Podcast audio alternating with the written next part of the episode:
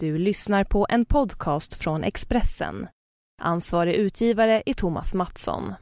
Fler poddar hittar du på expressen.se podcast och på iTunes.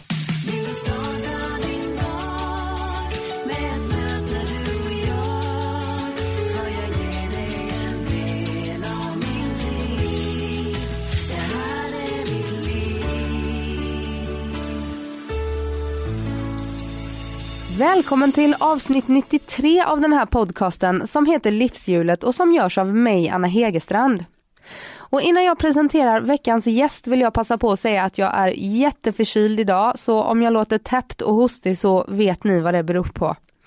Men det är ju passande då att bjuda in journalisten och programledaren Susanne Axel som vi känner igen från Fråga doktorn. Hon utsågs till årets Mappy på Mappygalan i måndags. Och årets Mappy det är tidningen M Magazines utmärkelse för kvinnliga företrädare 50 plus. Och här kommer hennes livshjul så varsågoda. Vi, vi kör liksom. Kör du, så jag svarar Anna, det är lugnt. Ja precis, vad bra. Och, och som sagt, du får överseende med att, att det kan vara lite segt här inne. Segt Inga problem, jag kommer att rädda dig i så fall. Ja, men det är bra. Det känns tryggt att ha en journalist som dessutom är radiovan. Radiovan. ja. Älskar radio. Ja. Ja. Mm. Välkommen hit. Tack så hemskt mycket Anna, vad roligt att vara här på min gamla arbetsplats på Expressen. Ja. En gång i tiden, för hundra år sedan. Ja. Och, och nu står vi här och jag har bjudit in dig med anledning av att jag fick reda på lite före andra att du är årets Mappy. Ja, det är helt otroligt. Jag har, tror inte jag riktigt fattat det än. Jo, kanske när det här sänds, men det har varit så mycket och så mycket så roligt som har hänt faktiskt. Så att jag har nog inte riktigt fattat det där. Och sen har ju vi inte varit på Fråga doktorn, vi har ju inte varit bortskämda med utmärkelser och priser. Så det här kom som en total överraskning och en jätteglad chock. Och vad tror du det är som gjorde dig till årets Mappy? Vi har ju inte hört, jag har inte hört nu i alla fall eh, eh, Motiveringen. motiveringen. Nej, och den har inte jag hört heller när vi spelar in det här. Eh, vad jag tror det är att vi har jobbat väldigt hårt i över 12 år nu med ett program som har blivit väldigt folkkärt faktiskt, trots ibland väldigt svåra ämnen. Och det är ju folket, om man får kalla det så, som har röstat. Så att eh, jag säger som någon gammal kung, folkets kärlek min belöning. Men den riktiga motivationen, den vet inte jag än, så det kan inte jag svara på nu. Och du har blivit otroligt folkkär i och med Fråga doktorn. Vad är det som gör att du går igenom rutan in i tv-tittarnas hjärtan? Det skulle du Anna, det skulle du egentligen fråga någon annan. Alltså det är svårt att se på sig själv eh, i tredje person och jag är den minst högfärdiga människan som finns. Men jag tror kanske att jag står väldigt mycket med fötterna på jorden. Att jag har andra fritidsintressen än journalistik och springa på rätt sorts fester och det där. Jag tror att jag är väldigt mycket alltså, förankrad i mig själv och sen är jag väldigt mycket mig själv i tv-rutan. Det finns ju de som tror att man ska vara någon annan när kamerorna slås på men jag tror så här att ju mer du är dig själv ju starkare blir du och det är uppenbarligen något som många har fäst sig vid. Jag fick ett jättefint brev från en man som heter Ulf Johansson i förrgår. Han skrev från Kalix och han skrev så här, fortsätt alltid vara den du är. Och det tog jag som jätteberöm, jag blev superglad alltså när jag fick det brevet. Och vem är du då? Kort beskrivning. Född på Söder, äldsta dottern till en ensamstående hårt arbetande mamma. Kommer ur den så kallade arbetarklassen. Älskar Hammarby i fotboll. Tycker om att sjunga. Stor djurvän. Har hela mitt liv försökt rädda djur och göra det bättre för djur på den här jorden. För jag tror på en jord med mer än bara människor. Eh, glad för att vara stockholmare. Jag är stockholmare i sjätte generationen vilket jag är väldigt stolt över. Eh, tycker väldigt mycket om att vara ute i Roslagen. Tycker om att simma. Är för det mesta glad.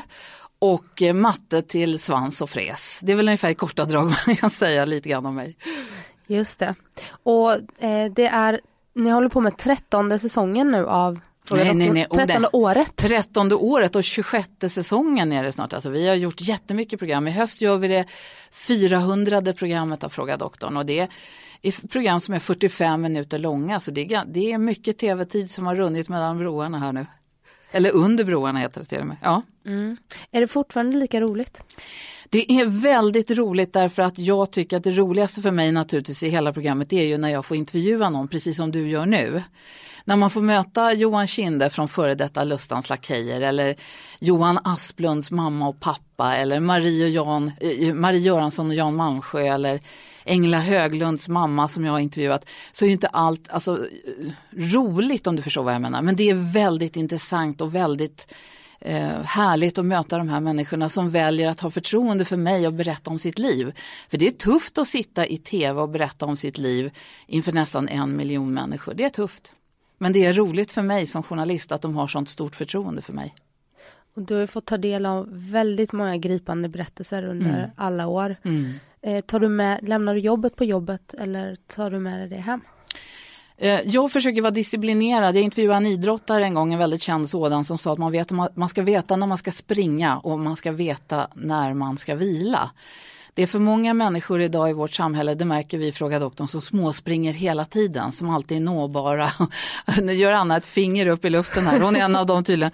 Nej men alltså förstår vad jag menar, det här att småspringa hela tiden Anna, det sliter på en och då blir man förkyld och då blir man dålig för det är kroppens sätt att säga ifrån. Eh, det är klart att när jag intervjuade Engla Höglunds mamma, Engla med det här fruktansvärda ödet, eller när jag intervjuade Arboga barnens mamma, det är klart att det stannar kvar. Och det är faktiskt så att jag har kontakt med de här tjejerna fortfarande via e-posten. Vi blev liksom lite vänner på kuppen. Det är rörande och det är svårt ibland. Jag kommer ihåg en flicka som heter Caroline Wilfox som blev eh, gruppvåldtagen av ett gäng män i Hammarby sjöstad när hon skulle gå ut med soporna.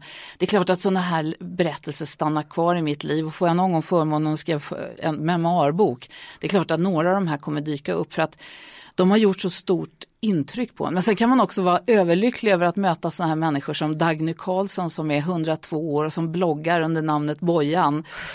Eller eh, Marie Göransson som berättar om hur det är att leva med Jan Malmsjö egentligen. Alltså sådana där berättelser och sådana här möten är ju fruktansvärt roliga och härliga och det är ett privilegium att få göra det. Och att vi eh, i SVT faktiskt får göra de här intervjuerna, de här programmen utan reklamavbrott är också otroligt härligt. Jag tror många gillar det, att man faktiskt får lyssna på den här människan till punkt. Du har gjort det här i, i 13 år nu. Vi är på väg mot det 13 året. Vi började i juni 2003 tillsammans, så vi är på väg dit. Mm, på väg mot det, mot det 13 året. Ja. Hur ser du, eh, för jag vet att du också har haft andra programidéer i huvudet och sådär. Hur tänker du eh, kring, kring ditt eget jobb framöver? Alltså jag är väldigt lyckligt lottad över att ha ett eget jobb där jag har så mycket inflytande som jag har på Fråga doktorn i Sveriges Television. Men det är klart att alla journalister, det vet ju du också, alla har vi ju drömmar. Min dröm är att innan jag eh, går in i dimman, är att få göra, jag skulle vilja intervjua de här, några av de här personerna som jag har mött under en längre samtal, alltså ha, vara med dem kanske under en dag och göra liksom, få fram de här frågorna. Du vet, vi spelar in på någonting som heter live on tape. Det betyder att det är precis som en direktsändning från början till slut. Tittar man på Fråga doktorn så ser man att det är inga klipp till exempel och sådana här saker. Det ställer väldigt höga krav på mig och Gunilla Hasselgren att leverera så här. Va? Men det innebär ju också att jag vet att jag har 11 eller 13 minuter till en intervju och då måste det sitta där då och där. Men man har ju oftast ett helt A4-ark kvar med frågor så jag tänkte att jag ska pratat om det och frågat det och du vet sådana här. Men man måste vara öppen också för vad gästen säger och ställa följdfrågor och det är jätteviktigt. Men jag drömmer om att kanske någon gång få göra ett sånt där intervjuprogram med några av de här speciella personerna som jag möter. Jag ska inte tipsa dig om vilka det är nu, för då kanske du snor dem. Men, men jag, jag, det är min dröm att jag skulle vilja göra det. För det är så jättemånga män som får sitta och göra sådana här saker i tv nu för tiden. Men det är väldigt få tjejer, så jag skulle vilja göra det innan jag lägger av. Jag tror det är så få tjejer. Vi kommer ju ändå starkt här nu i, i mediasverige. Ja, fast jag tycker ändå fortfarande jag tycker nog att tjejer får jobba lite mer och eh, visa framfötterna lite mer och vara lite duktigare. Nu får jag väl massa killar på mig. Det finns en, finns en massa bra killar och en massa bra kollegor jag har. Det är inte frågan om det, men jag tycker att det, det är något gammalt liksom som sitter kvar i väggarna. Jag kan inte uttra, tycka det är bättre och jag tycker att det, det, det är lite segt ibland, tycker jag, för tjejer. Jag vet också att du är väldigt eh, mot orättvisor och står upp för din sak. Har du fått ta den här striden? Ja, alltså som tjej så får man ju, det är ju allt möjligt. Alltså jag vet inte, man bedömer ju inte killar på samma sätt efter utseende eller ålder eller vikt eller någonting sånt. Men det gör man ju fortfarande med tjejer. Och jag tycker att det är viktigt, mångfald ska inte bara gälla människor av olika färger. Det måste också gälla människor av olika storlekar och om man har glasögon eller skägg eller rödhårig eller kommer från Eksjö. Eller, alltså, det ska vara en blandning sådär också, det tycker jag är härligt. Mycket dialekter ska fram tycker jag, i svensk radio och tv till exempel och sådana där saker. Eh, så att nej, jag vet inte, jag hoppas att det blir bättre och bättre, att vi går med tomtesteg som vi brukar säga i Fråga doktorn, men jag tycker att det är lite småsegt. Man, man, man tittar i samma krets hela tiden och så väljer man människor ur samma krets till samma program hela tiden och så är man gäster hos varandra. Och så man skulle röra, sleva om lite mer i grytan och bjuda in lite mera udda och kul ibland. Jag tror det skulle bli roligare tv då. Och mm. radio. Ja det är väldigt stängda dörrar. När du väl har kommit in då är du inne. Mm. Men det är jättesvårt att komma in. Mm. Är det. Vi pratar om det här med att småspringa hela tiden som, som jag ju gör. Mm. Är du duktig på att inte göra det? Jag är väldigt duktig, jag har blivit jätteduktig med åren. Jag tror, det kommer du också bli Anna. Eh, nej men alltså det här med att hänga vid, vid datorn hela tiden och vid mobilen hela tiden, det är inte bra för själen och inte för kroppen. Och det kommer forskningen att visa, jag är helt övertygad om det. Eh, jag försöker Eh, ha skyddade zoner när jag bara är mig själv och gör mina grejer och är med de som jag gillar, kompisar och mina systrar och min mamma och min familj. Och, och, och ägna mig åt katterna och du vet bara gör vanliga grejer hela tiden. Liksom. Eh, jag tror man måste släppa på det här att tv är så fantastiskt stort hela tiden utan också vara en vanlig människa och vara ute bland vanliga människor. Jag åker ju buss och tunnelbana och sånt där och det tjoas ju friskt på mig när jag är ute och gör det. Men jag tycker att det är jättekul. Alltså det är fantastiskt bra. Och det håller en på jorden. Ska man sitta liksom i någon slags bubbla och åka taxi hela tiden, då tappar du kontakten med verkligheten. Och det är inte bra om du är programledare vare sig radio eller tv. Det här med sociala medier då, att man bildbesätter sitt liv i Instagram och twittrar om allt och Facebook och bloggar. Och... Ja, nu ska du få ett kraftord från mig som jag ofta, inte ofta använder. Det skiter jag totalt i. Eh, jag tycker att eh, det är inte intressant för medmänskligheten att veta vad jag åt till middag.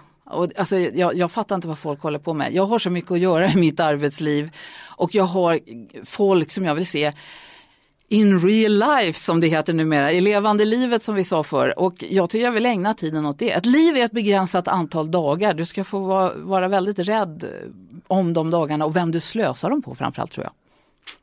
Men sen är det också så att många eh, som inte har förmånen att få komma in och göra tv och sådär, de kan ju bygga, starta sin karriär genom att göra, ha en blogg. Mm. Det är jättebra, det är mm. jättebra. För de som det funkar, som inte känner sig hetsade av det, all respekt, det tycker jag är jättebra. Men jag har inte tid och lust att ägna mig åt det där. Eh, och du, men jag vet att du eh, vill jobba mycket. Mm. Ja. Jag gillar att jobba. Ja. Vad gör du när du är ledig? Du sa att du hade många fritidsintressen. många vet jag inte Anna, men eh, alltså jag simmar ju regelbundet. Och jag, för att jag tycker det är så skönt. Jag har varit bra simmare ända sedan jag var liten. Mormor kastade i mig från en brygga ute i Roslagen och sen, sen dess har jag simmat. eh, och sen så går jag på yoga och det gör jag faktiskt för att jag tycker att det här jobbet kräver ibland att man fyller på i skallen. Alltså det är någonting bra som händer, man är väldigt avslappnad när man kommer från den där timmen du vet och man sover jätteskönt på natten och sådana grejer. Nej men alltså jag tycker väldigt mycket om att vara ute i skog och, och, natur. I höstas så gick jag en fågelskådarkurs och blev medlem här i Stockholms ornitologiska förening. Det var jättekul, Lars Imby hette min lärare och han eh, vi var ute på hösten där och tittade på flyttfåglar. Jag har aldrig sett så mycket gäss i hela mitt liv. Alltså, det var helt otrolig dag. Jag gillar ju att vara ute i, naturen och jag tycker om ensamheten men jag tycker också om när man hör koltrasten på våren och eh, man hör tjottar till någonstans ute i skogen och ren luft och natur. Sådana grejer betyder mycket för mig, är väldigt viktiga för mig. Och du tar dig tid för att göra det? Ja, absolut. Så mycket som du behöver? Ja, då. och ibland är det så också när man kopplar av och, och liksom låter hjärnan bara vara ett tag, då kommer det väldigt bra idéer. Den här gladisen som vi har i Fråga doktorn i slutet på programmet, där vi, det är vårt eget lilla uppmuntringspris som vandrar över Sverige. Eh, det kom jag på en gång när jag låg och bada hemma, alltså i badkaret. Och tänkte fasiken vi borde göra något, alla de här människorna som gör bra grejer för Sverige hela tiden som får aldrig få några rubriker. Det är ju buset som får rubrikerna. Då tänkte jag så vi måste hitta på något. Det var så Gladisen började för snart åtta år sedan alltså, den har hängt med länge nu. Och det är så himla populärt om du bara visste alltså. Att få kanske en liten grej men att få sitt namn sagt i tv och lite uppmuntran. Alltså det har betytt jättemycket för jättemånga så jag är otroligt glad att jag kom på den där idén en gång i tiden. Mm. Och yogan och simningen, vad jag förstått så, så är det också bra. Du fick en whiplash-skada efter att du var inblandad i en olycka. Mm, stämmer, det är länge sedan nu, det är 24 år sedan nu. Mm. Men jag har haft väldigt ont av den trafikolyckan. Men jag jobbade på radion på den tiden när det här hände och då sa läkaren till mig att eh, en del sätter sig i rullstol och det tänkte jag, det har inte jag någon lust att sitta i överhuvudtaget om jag kan göra någonting själv. Så efter tre veckor var jag tillbaks på jobbet och du vet vad hörlurar väger om man haft på sig dem i fyra timmars sändningar som vi gjorde och sånt där. Och jag hade ont och jag fick ha min nackkrage. Jag har den på mig ibland fortfarande när jag känner att det blir för tungt hemma. Liksom. Du vet när man har höjt upp axlarna för att man är stressad och sådär.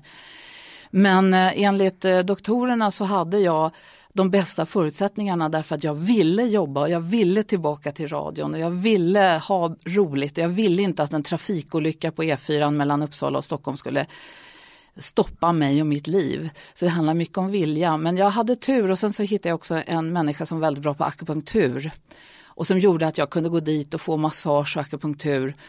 Och det gjorde att jag slapp ta värktabletter och sådana här grejer. Så det, det, är en kombination av vilja och ihärdighet och också lite bra hjälp. Fast den hjälpen fick jag betala alldeles själv. Det fick jag ingen hjälp med, alltså ekonomiskt. Så att man, man får kämpa på. I, dagens samhälle och dagens svenska vård har ibland sina brister och då får man försöka överbygga dem om man inte vill hamna någonstans och bara bli sämre och sämre. För det händer tyvärr människor och jag tycker det är fruktansvärt. Men jag, jag bestämde mig för att det skulle inte hända mig. Men jag har faktiskt ont ibland fortfarande, ibland får jag från nacken. Mm. Mm. Och det är då du, då är det nackkragen och sen yoga och simning som håller dig i schack? Ja, men framförallt gör jag så att när jag känner att det är så där då tar jag det lite lugnt och så har jag nackkragen på mig och så sätter jag mig och ser på en gammal svensk långfilm i tv och så klappar jag katterna lite grann. Så alltså man går ner i varv så man inte spänner sig så mycket och sådana saker. Det är ett urfånigt tips men det är så jag har liksom kommit vidare.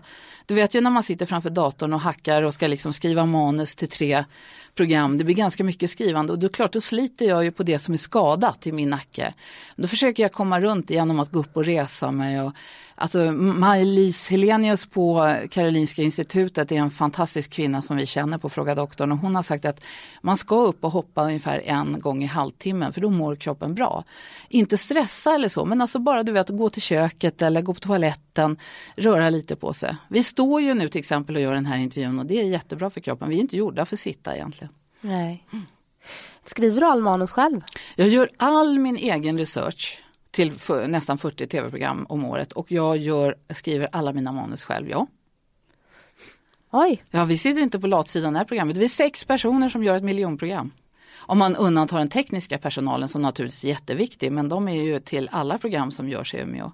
Men kärntruppen på Fråga doktorn, det är sex pers. Mm. Mm. Och vi var inne på det här att, att du vill jobba mycket och så läste jag att du sa tidigt du lever ihop med din sambo. Mm, Jörgen ja. Jörgen, mm. sen... 102 eh, år brukar jag säga, då tittar han bekymmersamt på mig. ja, vi har varit ihop länge. Ja. ja, och du sa tidigt till honom att jag kommer vilja eh, satsa på min karriär, jag kommer vilja jobba, jag är inte så intresserad av att skaffa barn. Det är väldigt, det här är en fråga som intresserar mig väldigt mycket nu. Jag har nyss gjort en intervju med en, en kvinna som blev mamma första gången eh, när hon var 45. Mm. Och jag har alla mina vänner skaffat barn och jag är inte så barnsugen. Mm. Eh, och jag är 32 och lever mm. i en fast relation och sådär. Vad har du stött på för kommentarer kring det? Ja det första, det, det kommer ju såra dig lite grann nu Anna, det är ju liksom den vanligaste frågan jag får. Mm. Och då brukar jag lite elakt svara tillbaka, brukar ni fråga manliga programledare det också? För det finns ju många manliga programledare och journalister som lever utan barn. De får inte, nej men grejen är ju den att man måste titta på min bakgrund. Jag kommer alltså från ett, ett hyfsat eh, små ekonomiska förhållanden. Och min mamma blev när jag var åtta år gammal ensam med mig och mina två systrar Anneli och Victoria. Hon hade två jobb för att få det här att gå ihop. Jag kommer ihåg att jag fick springa hem från skolan och sätta på potatisen för att vi fick hjälpa till allihopa. Och jag kommer ihåg att jag tänkte, jag vill inte ha så här i mitt liv. Jag vill ha ett jobb där jag trivs, inte bara för att jag ska slita ihop massa pengar och försörja en familj som, som, där pappan stack och inte bry, brydde sig om oss, vare ekonomiskt eller känslomässigt. Jag vill ha ett liv där jag kan få känna att jag får möta människor och göra de grejer som som jag vill göra, inte bara vara till för någon annan. Och jag tycker det finns så många barn i den här världen, till och med i Sverige, som folk knappt bryr sig om. De tittar mer i mobiltelefonen än på barnet. Då tänkte jag så här, vad spelar det för roll om jag föder ett barn? Men jag har ju förstått att det där är väldigt kontroversiellt, att man säger att man inte vill ha några barn. Men jag tror att det är bättre att vara ärlig än att föda ett barn och så sitter barnet i kläm. Det tycker inte jag är någon höjdar situation. Nej. Och vad har det gjort? Din pappa eh, stack när du var åtta Mm. och du är stora syster Ja, jag är äldst ja. mm. och har två yngre syskon. Japp. Är du en typisk stora syster? De säger det. Men jag brukar säga så här också till dem ibland att jag har ju faktiskt tvingats till att bli det. Jag fick ju bli vuxen väldigt snabbt när jag var åtta. Det är därför jag ska bli fånigare och fånigare med åren nu. Jag ska gå till barndomen. Nej men alltså, eh, det blir ju så i en familj. Det vet jag alla som lyssnar nu som är ensamstående föräldrar, som är kanske en ensamstående pappa eller ensamstående mamma. Det ställer väldigt speciella krav på de personerna. Och heder åt alla de som orkar. De får alldeles för lite beröm tycker jag. Min mamma skulle förtjäna allt beröm i världen för hon gjorde så att vi blev tre bra människor. Det kunde ha gått käpprätt åt helsike men hon gjorde ett bra jobb. Men det är tufft för den som blir lämnad med barn och ansvar och pengasituationer och allting. Det är jättetufft. Så att eh, jag, jag tycker att eh, Ja, min början var tämligen tuff om jag säger så i livet men det har blivit bättre och bättre så jag hoppas att jag slutar på toppen. på något sätt. Och nu träffade du din sambo när du var väldigt ung. Ja, Eh, 20 kan man säga. Ja. Mm. Mm, men på... Men vi flyttade inte ihop förrän jag var 26.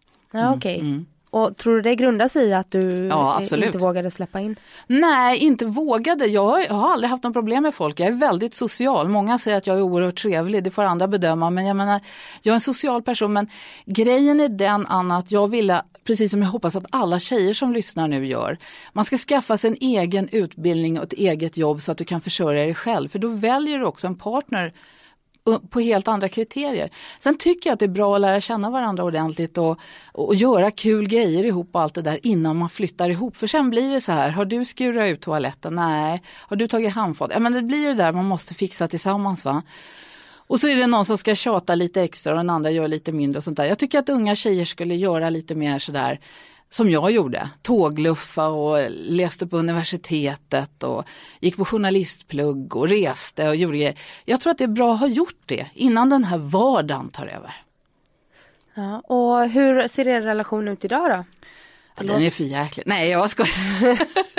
Nej då, den är bra. Han bjöd mig på kaffe och bullar precis innan jag skulle åka hit till dig Anna. Och sen så har vi en liten katt nu. Vår gamla katt är lite risig och måste medicineras eh, två gånger om dagen så vi hjälps åt med det. Nej men vi har ett bra förhållande. Han gör sina grejer. Han är seglare och tycker om att göra det och jag gillar att påta jorden och vi ger varandra ganska mycket frihet under ansvar alltså. Men eh, vi har mycket kul ihop också. Så att eh, nej, det känns bra. Jag tycker att jag valde en partner som tillät mig att få vara Susanne och han får vara Jörgen. Och så har vi kul ihop. Det är det viktigaste, tycker jag. Och vad tror du är nyckeln till att hålla ihop så där länge? Det känns ju som att alla Alltså, det, separerar Det nu. låter ju som jag ska vara oraklet i Delphi här nu. Nej jag menar i din relation, du är expert på din ja, relation. ja, ja, absolut. Jag tror att, eh, jag tror att det beror på att eh, eh, det var någon som sa någon gång, om du försöker hålla sand i en knuten neve så rinner den ut mellan fingrarna på det. Men håller du sanden i en öppen handflata så här, då stannar den kvar. Jag tror det här att inte hålla på att vara med varandra hela tiden och att faktiskt ge den andra lite utrymme till att ha sina egna intressen och ha lite kul. Och sen ha kul tillsammans och sen så ha ett bra schysst förhållande när man liksom eh, är bussiga mot varandra. Jag tror det är grunden. Vänskapen är väldigt bra. Att, ha, att inte bara ha kärlek utan även vänskap, det tror jag är bra. Jag läste en intervju med dig i Året runt. Oj då. Ja, där, där du sa att vi är varandras raka motsatser. Han är väldigt lugn och eftertänksam. Du är lite mer otålig. Mm. Ja, men det stämmer. Vi, vi liksom är inte lika och vi, har inte, vi är inte i samma bransch heller, det tror jag är bra. Jörgen jobbar med IT och jag är journalist och, och det tror jag är bra för man pratar om olika grejer, man har olika världar och liksom olika saker som händer. Men också att man inte är precis lika för det blir ganska tråkigt tror jag. Men, men också att ja, vi, vi, vi, ja, jag är inte lika tålmodig som Jörgen. Så jag vill att saker ska hända snabbt och att det ska vara lite fart sådär. Men han är lite mer eftertänksam och så. Men jag tror att det är bra. Men det är du som får saker att hända låter det som. Jag Ja. har min roll, din roll i, i min relation också. Ja, ja. Jo men det är, nog, det är nog jag som sparkar på liksom. Nu ska de här soporna ut och hörseln, Nej, men du vet lite så. Men, men alltså, ibland finns det ju människor som är mera initiativtagare även till roliga grejer faktiskt. Jag kan vara så här, hitta på grejer, tänka ska vi inte göra det, vad kul, ska vi inte gå en fågelkurs? Och då säger Jörgen, ja vad kul, det gör vi. Alltså men han kommer inte på det själv. Förstår du? Så lite så är det. Så att jag, jag tror att jag är en bra motor, men, men också en motor kan ju behöva, ska ju inte gå på tomgång. Det är bra om den får vila ibland. Men man har lite olika roller och så hittar man det. Det är inte så jäkla komplicerat egentligen, utan mer att man har olika intressen sådär. Jag tycker att det är jättekul att vara med och segla på höstarna när det är varmt i vattnet och härligt. Sen. jag hatar att göra det på våren när, när krokusen har slagit ut och det är 20 grader i Roslagen. Man kan sitta vid stugväggen och fika, du vet. Då ska han ut på sjön och så är det fem minus där och det blåser någon snål vind från Kanholmsfjärden. Det kan han få göra alldeles själv. Så man- liksom, jag tror att det är bra att vara ärlig och säga nej, det där tycker inte jag är så kul. Men åk du. När jag hade Tony Irving på besök så sa han Ja, vad att kul. Han bor ju i Norrtälje nu, har jag hört. Ja, han har flyttat ihop med sin, med sin kille. Och då sa han det att istället för att, att se till sina egna behov som man gör eh, hela tiden så ska man se, om båda ser till den andras behov så blir det en väldigt harmonisk relation. Ja, det är fint sagt tycker jag. Men, men sen har man ju olika behov och olika situationer och sånt där också. När man lever i ett långt förhållande som jag gör så det vore ju omöjligt att säga att man aldrig har blivit förbannade på varandra eller någonting sånt. där. Man går inte omkring och tänker, vad har han för behov hela tiden? Jag måste ju köra mitt race, jag har ett heltidsjobb liksom. Absolut. Men, men, men, men det är en fin tanke. Men jag tror vänskap, jag tror vänskap och att man gillar varandra i grunden, det är det absolut vi- viktigaste. Och ni bor i Stockholm, Ja, innerstan. I innerstan i Stockholm. Mm. Eh, det lät som att du hade ett landställe, du sa sitta vid, vid stugväggen och Mm. I Roslagen. Det har jag ihop med min mamma och mina systrar. Och så var det långt innan min sambo kom in i bilden. Så att det är fortfarande vårt, alltså med, min, min mammas och jag och mina systrars ställe. Mm. trivs du med den dynamiken? Ja, det gör jag. Jag tycker att det är väldigt härligt att komma dit. Jag tycker väldigt mycket om Roslagen och jag tycker att det är en fantastisk plats på jorden som är alldeles för lite uppmärksammad. Men ändå vill du inte flytta ut och, och skippa innerstadspulsen? Nej, alltså, nej, jag funderar faktiskt på det när jag var på landet i november. Liksom. Hur kul skulle det vara att sitta här och glo på, på, på, på en tall liksom, i mörkret. Jag, jag behöver nog, liksom, när, jag tycker att det är härligt när Stenbak, nu kan jag inte prata, det är härligt när Stenbecks julgran kommer upp du vet på Skeppsbron och när det är fint och kunna gå ner och fika på något trevligt ställe med någon kompis och sånt där. Jag, behö, jag är nog lite dubbel där, jag måste ha bägge världarna för att funka. Jag är mycket storstadstjej och, men också en riktig naturmänniska. Så kan det bli. Är du storstadstjej som i att du hänger mycket ute och går ut och äter och gillar att ses utanför hemmet eller är du en hemmarotta? Nej, jag är nog, går nog ganska, alltså jag är hemmarotta ibland. Jag tycker att det är jätteskönt att vara det under julhelgen till exempel. Därför jag reser ju så otroligt mycket i mitt jobb. Och packa kappsäck nästan jämt kändes det som innan jag träffade dig här idag nu. Jag, jag var två gånger i Umeå och en gång i Göteborg. Man står med den där jäkla kappsäcken och och liksom vad ska jag ha med mig, vad ska jag på mig? Och Du vet allt jox man ska ha med sig och så har man glömt något så får man springa och köpa det. Jag tycker det är jätteskönt att liksom gå ner i varv och som min gamla bildproducent Uffe Selander sa, man ska gå ner i svartruta emellan varven. Och det är skönt, men, men sen gillar ju jag också det här att gå ut och käka och gå på nya ställen. Och syrra, ena syrran och jag, Victoria, vi ska gå på måndag och titta på och lyssna på um, barockkonsert på på Konserthuset och sen så ska jag göra andra grejer. Så jag ska ut och dansa på alla hjärtans dag på, på lördag. Det ska bli jättekul, ska på fin fest och dansa. Jag älskar att dansa. Och, sen så, och så går jag på bio, jag såg den här eh, The Kingsman alldeles nyss, väldigt bra film tycker jag. Spännande och eh, lite annorlunda gjord, den var kul gjord. Den här killen som spelar huvudrollen, han kommer gå långt tror jag. Men eh, sen gillar jag att vara hemma också, så jag, jag, är- jag är två världar där med Anna, det är så. Ja. Mm.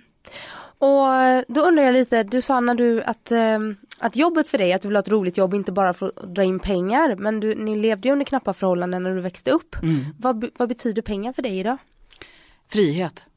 Möjlighet att kunna göra det jag vill.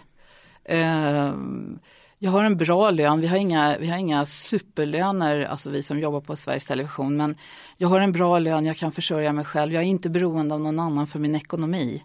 Och det känns jättetryggt. Jag kan hjälpa min mamma som numera är pensionär och 79 år. Hon, hon, hon är ju så många andra pensionärer i det här landet väldigt hårt hållna av regering och riksdag. Eh, så att hon kan behöva lite tillskott ibland och då kan jag hjälpa till med det. I torsdag så bjöd jag ut henne på restaurang och vi hade jättekul. Jag fick i mamma ett glas rött vin, det behöver man när man är 79. Och sen så eh, gör lite extra så här. Jag har bjudit min mamma till Köpenhamn och Amsterdam och lite sådana här grejer. Jag tycker att det är pengar att kunna göra någonting bra för de man gillar och så ha lite bra själv. Men jag kan inte påstå att jag lever som Joakim von Anka och kastar pengar omkring mig hela tiden, för det gör jag inte. Det är ingen pengavalv hemma? Nej, och jag är väldigt medveten om pengars värde eftersom jag vet hur hårt mamma fick slita när vi växte upp för att få det hela att gå ihop. Mm. Har det gjort dig till väldigt ekonomiskt så att du eh, kanske inte unnar dig vissa saker som, eh, som du hade velat? Eller nej, är nej. du bra på att unna dig? Ja, jag unnar mig men de som känner mig väl säger att jag är väldigt generös och det är jag glad för. Jag är inte dumsnål eller någonting sånt där men jag, jag tittar på ekonomin, jag har superkontroll på min ekonomi. Jag har råkoll på alla papper in och ut i mitt företag och alltihopa sånt där. Och det tycker jag fler tjejer skulle lära sig. Så att, eh, men, men däremot är jag nog känd faktiskt i min bekantskapskrets och vänkrets för att vara en ganska generös människa. Så jag tycker nog att det är kul ibland att kunna säga till en kompis som blev arbetslös som jag hade nu här förra året. Ja men nu går vi ut och käkar och det här tar jag. Du kan behöva det här nu. Mm. Man mår bra av att göra det. Mm. Um, och just vänner. Mm. Det är ju en, en tårtbit, eller det här sociala nätverket man har. Mm. Uh, är du bra på att uh, ge dina vänner tid? Ja, alltså i den mån jag har den. För att jag, jag umgås, jag går ju simmar med min eh, studentkamrat Agneta. Vi lärde känna varandra när, när jag var 11 år. Så vi har känt varandra jättelänge. Och hon och jag går och simmar tillsammans och vi har jätteroligt ihop när vi simmar. Vi skrattar och vi simmar och vi simmar aldrig under en kilometer. Och det är ganska mycket att simma varje gång. Eh, och det är jättekul och så. Nu har hon fått ett lite annat jobb så vi får, har fått lite ryckigt i schemat. Men vi ses hyfs, hyfsat ofta och jag har väldigt mycket kontakt med mina kompisar. Jag har ingen sån där, du vet, oh jag känner 472 pers. Så är det inte som med mina vänner. Alltså mina vänner, det räknar jag till en handfull personer och, och så mina systrar också är inberäknade där. Men sen har ju jag genom jobbet en jättehög med goa bekanta. Och det är en annan sak. Men mina vänner det är de som är allra närmast. Men jag, har, jag tycker att jag har bra kontakt.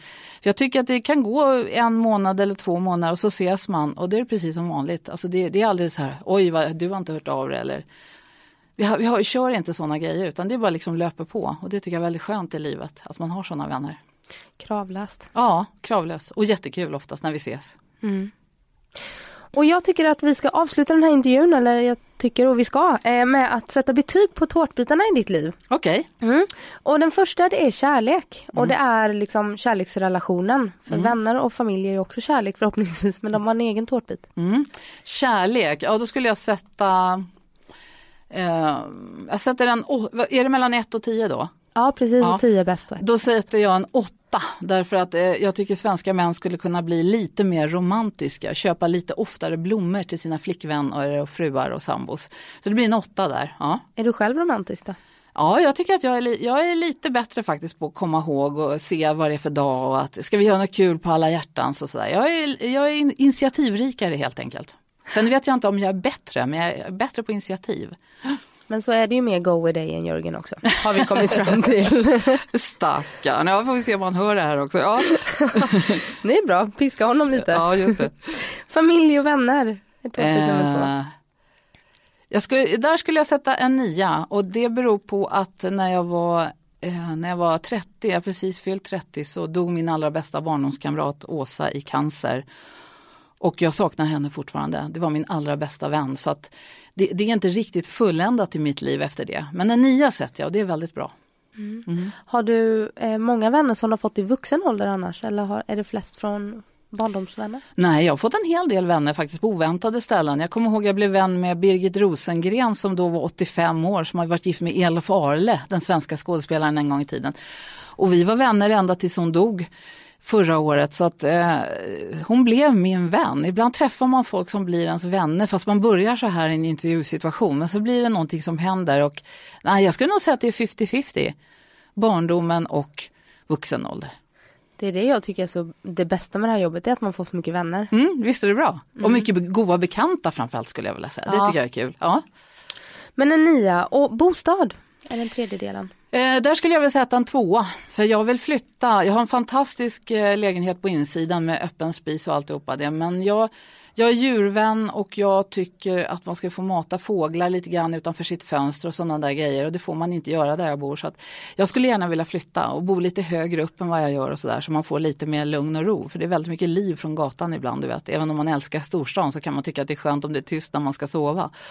Har du någon favoritstadsdel du skulle vilja bo i? Nej, jag har bott så himla mycket på Södermalm och det har varit fantastiska år men jag har ingen längtan riktigt tillbaka. Det känns som jag har klarat det där. Jag har bott på flera ställen där på Södermalm, senast på Brännkyrkagatan. Men Eh, nej, inte riktigt. Jag är mer sådär att jag vill ha ett träd utanför där jag kan se fåglarna häcka och jag vill ha, kunna se blå himmel. Gärna en liten balkong så man kan ha två so stolar och eh, sitta och dricka kaffe där med sambo och katter.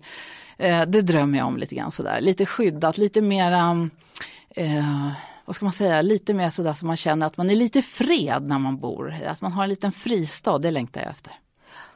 Säger jag lycka till på bostadsmarknaden. Tack så mycket. eh, och eh, bostad, jobb och karriär? Mm, nio. Mm. Det är ju då fortfarande den där drömmen om att göra ett alldeles eget program. Gunilla och jag jobbar ju fantastiskt bra tillsammans. Det det. Men du vet ju själv Anna, eftersom du är journalist också, att det är så härligt någon gång att få flyga alldeles själv och se om man klarar av det, eller hur? Ja. Mm. Ja absolut, jag har mm. lyckats en gång här nu och ja, det är helt underbart. Ja.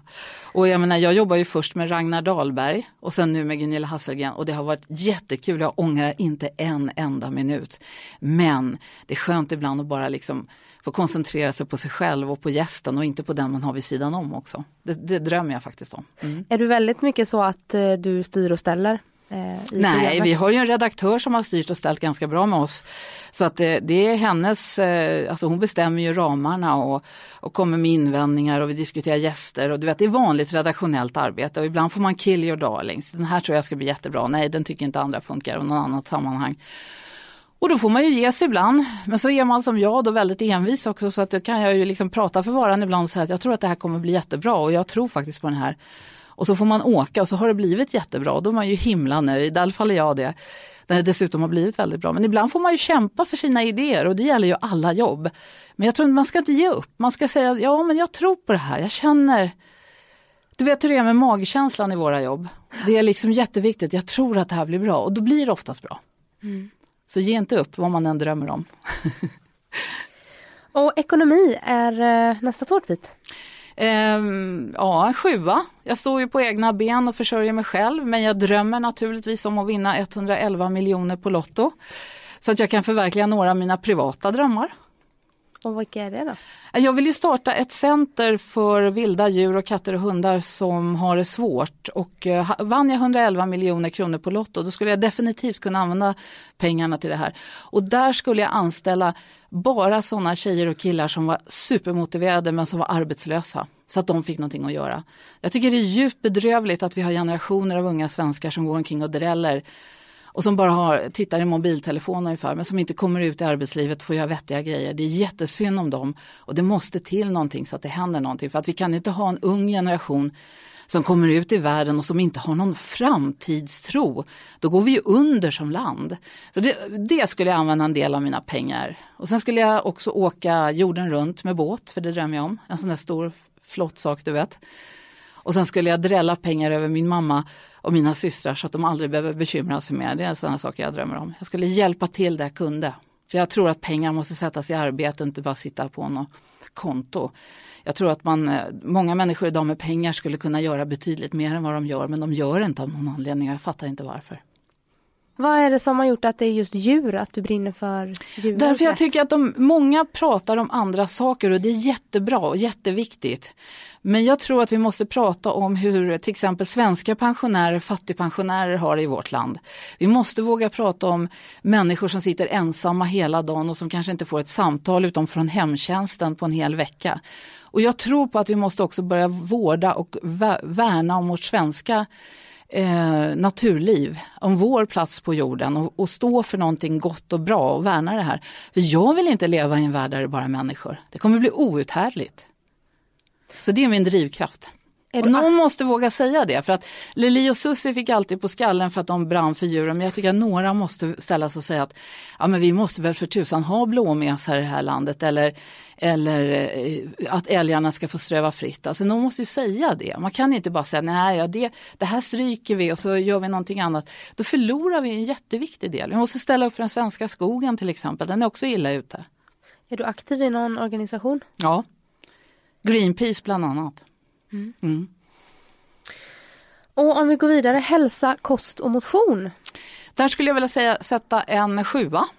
Eh, och det beror på att eh, jag rör mig på mig betydligt mer än många som är mycket smalare än vad jag är.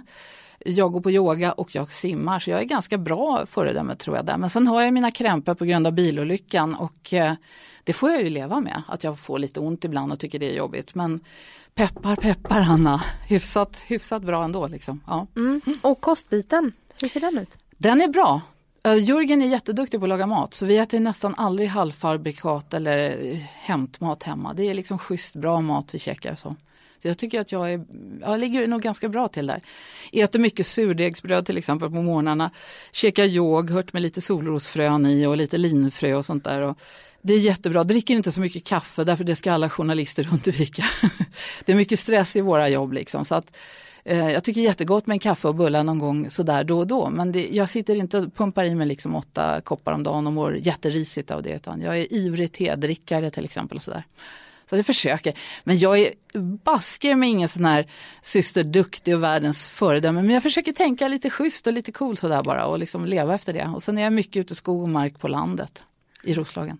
Har du någon riktig last? Ja, det är väl nybakt bröd då. Du vet när man bakar matbröd och det är allt kommer ut ur ugnen och liksom första mackan där. Och till jul med en skinkbit på, alltså det är ju magiskt. Men annars är mina laster gamla svenska eller Hollywoodfilmer, det älskar jag. Och sen har, har jag fått, för, för, ett par år sedan så fick jag hela Tudor-serien, kommer du ihåg när den gick mm. den här? Jag fick alla delarna av mina systrar i julklapp. Och den är så himla bra. Man kan liksom förvandla så att man är med där på 1500-talet och tittar på alla de där helt otroliga och bra skådisar. Engelsmännen är fantastiska på sådana här saker. Så att när jag tycker att allting är tråkigt på tv då brukar jag plugga in DVD där och så kolla på det där. Det är väl en last. Ja, det är härligt att sträckkolla på serier. Ja, det visst är det. Inga reklamavbrott överhuvudtaget. Nej, precis som på SVT. Ja, precis. Alltså, de, de sänder ju sällan Tudor tyvärr. Ja, exakt. Ja, Okej, men en sjua blev det där. Och fritid är den näst sista tårtbiten. Ja, hur tänker du då Anna? Eh, då tänker jag den tiden du inte jobbar. Mm. Dels om du känner att du får tillräckligt. Om du känner att du gör något vettigt av den. Um, ja, fem, fem, sex skulle jag vilja säga någonstans. Femma eller sexa. Jag tycker att när jag väl eh, tar mig ledigt eller stänger, jag är bra på att stänga av e-posten under helgerna och sådana här grejer. Men, men eh, jag, jag, tycker nog att kanske att jag borde bli lite duktigare ändå. Va? För det blir ju alltid det här jobbet att det händer grejer som man inte har räknat med. Och, Eh, det är gäster som helt plötsligt får för sig att de inte ska dyka upp fast vi har gjort Alltså det blir lite stress och, kan, och det kan hända på en fredag eftermiddag klockan fyra och så ska man lösa det här. Va? Det, det, det är sådana där grejer som händer i våra jobb. Och då tycker jag ju att stressen går upp lite i magen. Jag skulle vilja ha lite bättre kontroll där så att man liksom eh, att man inte behövde känna det där ibland i, i magtrakten. Så där är väl en avvägning jag måste göra tror jag. Har du något knep att ta till när den här stressen kryper på eller? Står handfallen? Det hjälper, min nya, alltså jag går ju yogakurs du vet, terminsvis. Och nu börjar jag när vi pratar på, på um, tisdag. Du och jag spelar ju in ett par dagar innan nu men på tisdag så börjar jag. Mm. Och, igår för er som lyssnar. Ja förlåt, igår. eh, och då, då, det tycker jag känner att liksom systemen det är någonting som händer i yogan. Jag, vet inte, jag, alltså jag är ingen duktig på det här Anna, du måste egentligen fråga tjejen som leder hela Malin. Men, men det är någonting som händer att man det liksom planar ut, man bara slappna av. Men om jag får jätteont sådär, liksom stressmag och sånt där, då brukar jag göra så här, du vet ett stort glas yoghurt eller dricka ett glas mjölk, liksom vara lite snäll mot sig själv sådär. Det är väldigt viktigt, det är småknep men de är bra. Ja. Och så taggar man ner på det här med kaffe och grejer. Och, du vet, hårda grejer, man låter magen få vara lite fri ett tag. Ja. Och personlig utveckling, det är den sista tårtbiten. Ja, vad ska jag säga där? Hur tänker du då? det är jag som ställer frågan här. Eh, det är livs, livsfarligt att intervjua andra journalister. Ja, jag är alltid jättenervös. ja, hoppas jag varit snäll mot dig. Du har varit jättesnäll. Ja, Fördelen med att intervjua andra journalister är att de vet att okej, okay, hon vill att jag ska prata utan att hon behöver dra ut. ja, det är väldigt skönt. Ja, det är tacksamt. Eh, personlig utveckling, det är hur du känner att du eh, utvecklas som människa eh, i allt du gör. Om du har någon speciell eh, dålig sida kanske som du vill, som jag är väldigt stressad, det vill jag jobba på. Mm. Jag har en förmåga att, kan, att vara bitsk mot min kille ibland när jag blir irriterad. Istället för att säga som jag känner så kan det komma någon slags syrlig kommentar. Men det, det är, det är regel 1A Anna, det har jag lärt mig, fråga doktorn. Att killar tänker med en hjärnhalva i, i taget. Nu kommer en del forskare att protestera men det struntar i. Där måste man vara övertydlig. Då måste man säga så här, jag tycker att du ska gå ut med soporna nu. För då går det liksom in va, för de, de hajar inte annars. Nu var alla killar vrålar på mig. Men, men grejen är den att vi tänker lite olika i våra hjärnor. Och den dag man förstår det, då blir samlivet betydligt enklare. Uh, jag blir aldrig bitsk, jag kan bli förbannad i en annan femma. Nej, personlig utveckling, alltså jag måste bli bättre på det där. Jag, jag är faktiskt väldigt dålig på att vara snäll mot mig själv. Jag tänker alltid liksom på mamma och, och Jörgen och mina systrar och mina katter och mina kompisar. Jag har en kompis som fyller jämnt här nu. Eh, imorgon blir, nej samma dag som vi sänder det här. Eh, och då har jag tänkt ut födelsedagspresent och vad jag ska köpa för blommor. Och så, jag tänker alltid, och, och det där har jag med mig sedan jag var åtta år, sedan pappa stack. Att, jag var tvungen att kolla hur mådde de, hur mådde syrrorna, hur hade mamma det, var hon ledsen? Alltså du vet sådär, man lär sig läsa av människor. Så jag är förbaskat dålig på att ta hand om mig själv. Så jag skulle nog sätta en fyra där och jag måste bli betydligt bättre. Vad är din inställning till terapi, att ta hjälp utifrån? Alltså jag är bra på att snacka ändå så att jag brukar ju använda människor jag möter och mina kompisar lite så att att så fort man pratar ut om grejer och sånt där. Eh, nej, men jag tror att det är bra ibland att gå och snacka om saker, man, knutar man upplever i livet, på jobbet eller grejer man tycker det funkar. Det kan gå vara bra att få en annan människas åsikt. Men om man behöver gå så långt så att man måste gå på terapi och betala 500 spänn i timmen, det vet inte jag om man behöver. Men jag tror att det är bra att prata med någon. Har man en bra kompis, ett bra syskon, en bra förälder, så prata. Jag tycker att alltså, säg bara jag tycker att det här känns tungt nu, jag skulle vilja snacka lite om det här, är det okej? Okay, För oftast, eh, solen, eh, trollen dör i solen skulle jag säga. Eh, och så fort man börjar snacka om en grej så lättar det ju. Mm. Tror jag, för de allra flesta. Sen tror jag i och för sig att om man mår riktigt dåligt att det är lätt att det kan bli att kompisarna eller den man pratar med blir slaskhinken. Att man bara frestar ja, men, på. Ja, men så ska, inte, så ska det inte vara, utan det ska ju vara något man behöver snacka om just nu och så säga att för mig skulle det lätta om jag fick snacka med dig med det här under en halvtimme, kan vi ta en fika och så. så men man ska ju inte använda en stackars person för då går ju den under liksom, då blir det jättejobbigt för den. Men, men jag tror att allting, jag tror nästan allting på jorden skulle bli bättre om vi satt oss ner tillsammans, tog en fika och snackade om det. Jag tror det. Det blir svårt eftersom vi ska ha en så perfekt yta hela tiden. Ja, ja, men då får man släppa på det och tänka, jag duger som jag är. Ja. Och om vi ska gå igenom ditt eh, livshjul då så satte du en åtta på kärlek, en nia på familj och vänner, en tvåa på bostad, nio på jobb och karriär, en sjua på ekonomi, en sjua på hälsa och en femma, sexa någonstans på fritid och en fyra på personlig utveckling. Mm. Det är väl härligt att ha det framför sig och bli mer snäll mot sig själv. Ja visst, visst. Jag, måste, jag får tänka på det ordentligt framöver. Ja. ja. Och vad ska du hitta på här nu när jag släpper iväg dig? Nu när du släpper iväg mig så höll jag precis på att stryka den klänning jag ska ha på Mappegalan på Grand Hotel imorgon kväll. Jag ska ha klänning, det känns jättehärligt. Och jag ska ha en röd klänning, för det tycker jag blondiner är, det är en bra färg för blondiner, eller hur Anna? Ja, Lady in Red. Precis. Och jag ska vara glad och eh, försöka tänka positivt och hoppas att allting går bra imorgon kväll. Det kommer bli väldigt intensivt när allt det här händer, har de varnat oss om. Så att det gäller att vara på hugget och lite fräsch och utvilad. Sen ska jag gå in och, slå in en födelsedagspresent till min, en av mina äldsta kompisar. Vi har känt varandra sedan vi var åtta år. Eva-Britt som nu fyller jämnt. Jag ska hem till henne i Sköndal på onsdag och eh, gratulera och sjunga och eh, tala om för henne att det har varit betydelsefullt för mig att ha henne i mitt liv sedan hon var åtta år och jag var åtta år därför att det är viktigt med gamla vänner, de ska man hålla liv i. Och sen så ska jag väl ge Fres medicin och eh, titta lite på Tudor-avsnitt.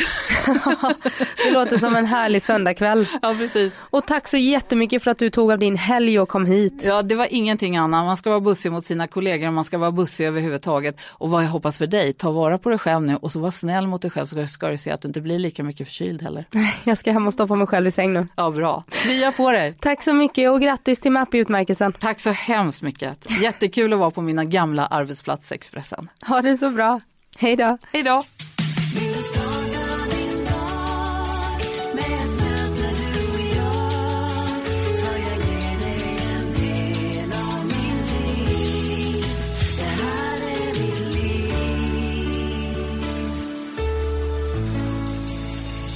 Du har lyssnat på en podcast från Expressen. Ansvarig utgivare är Thomas Mattsson. Fler poddar hittar du på expressen.se podcast och på iTunes. Snart startar vår stora färgfest med fantastiska erbjudanden för dig som ska måla om. Kom in så förverkligar vi ditt projekt på Nordsjö Idé och Design.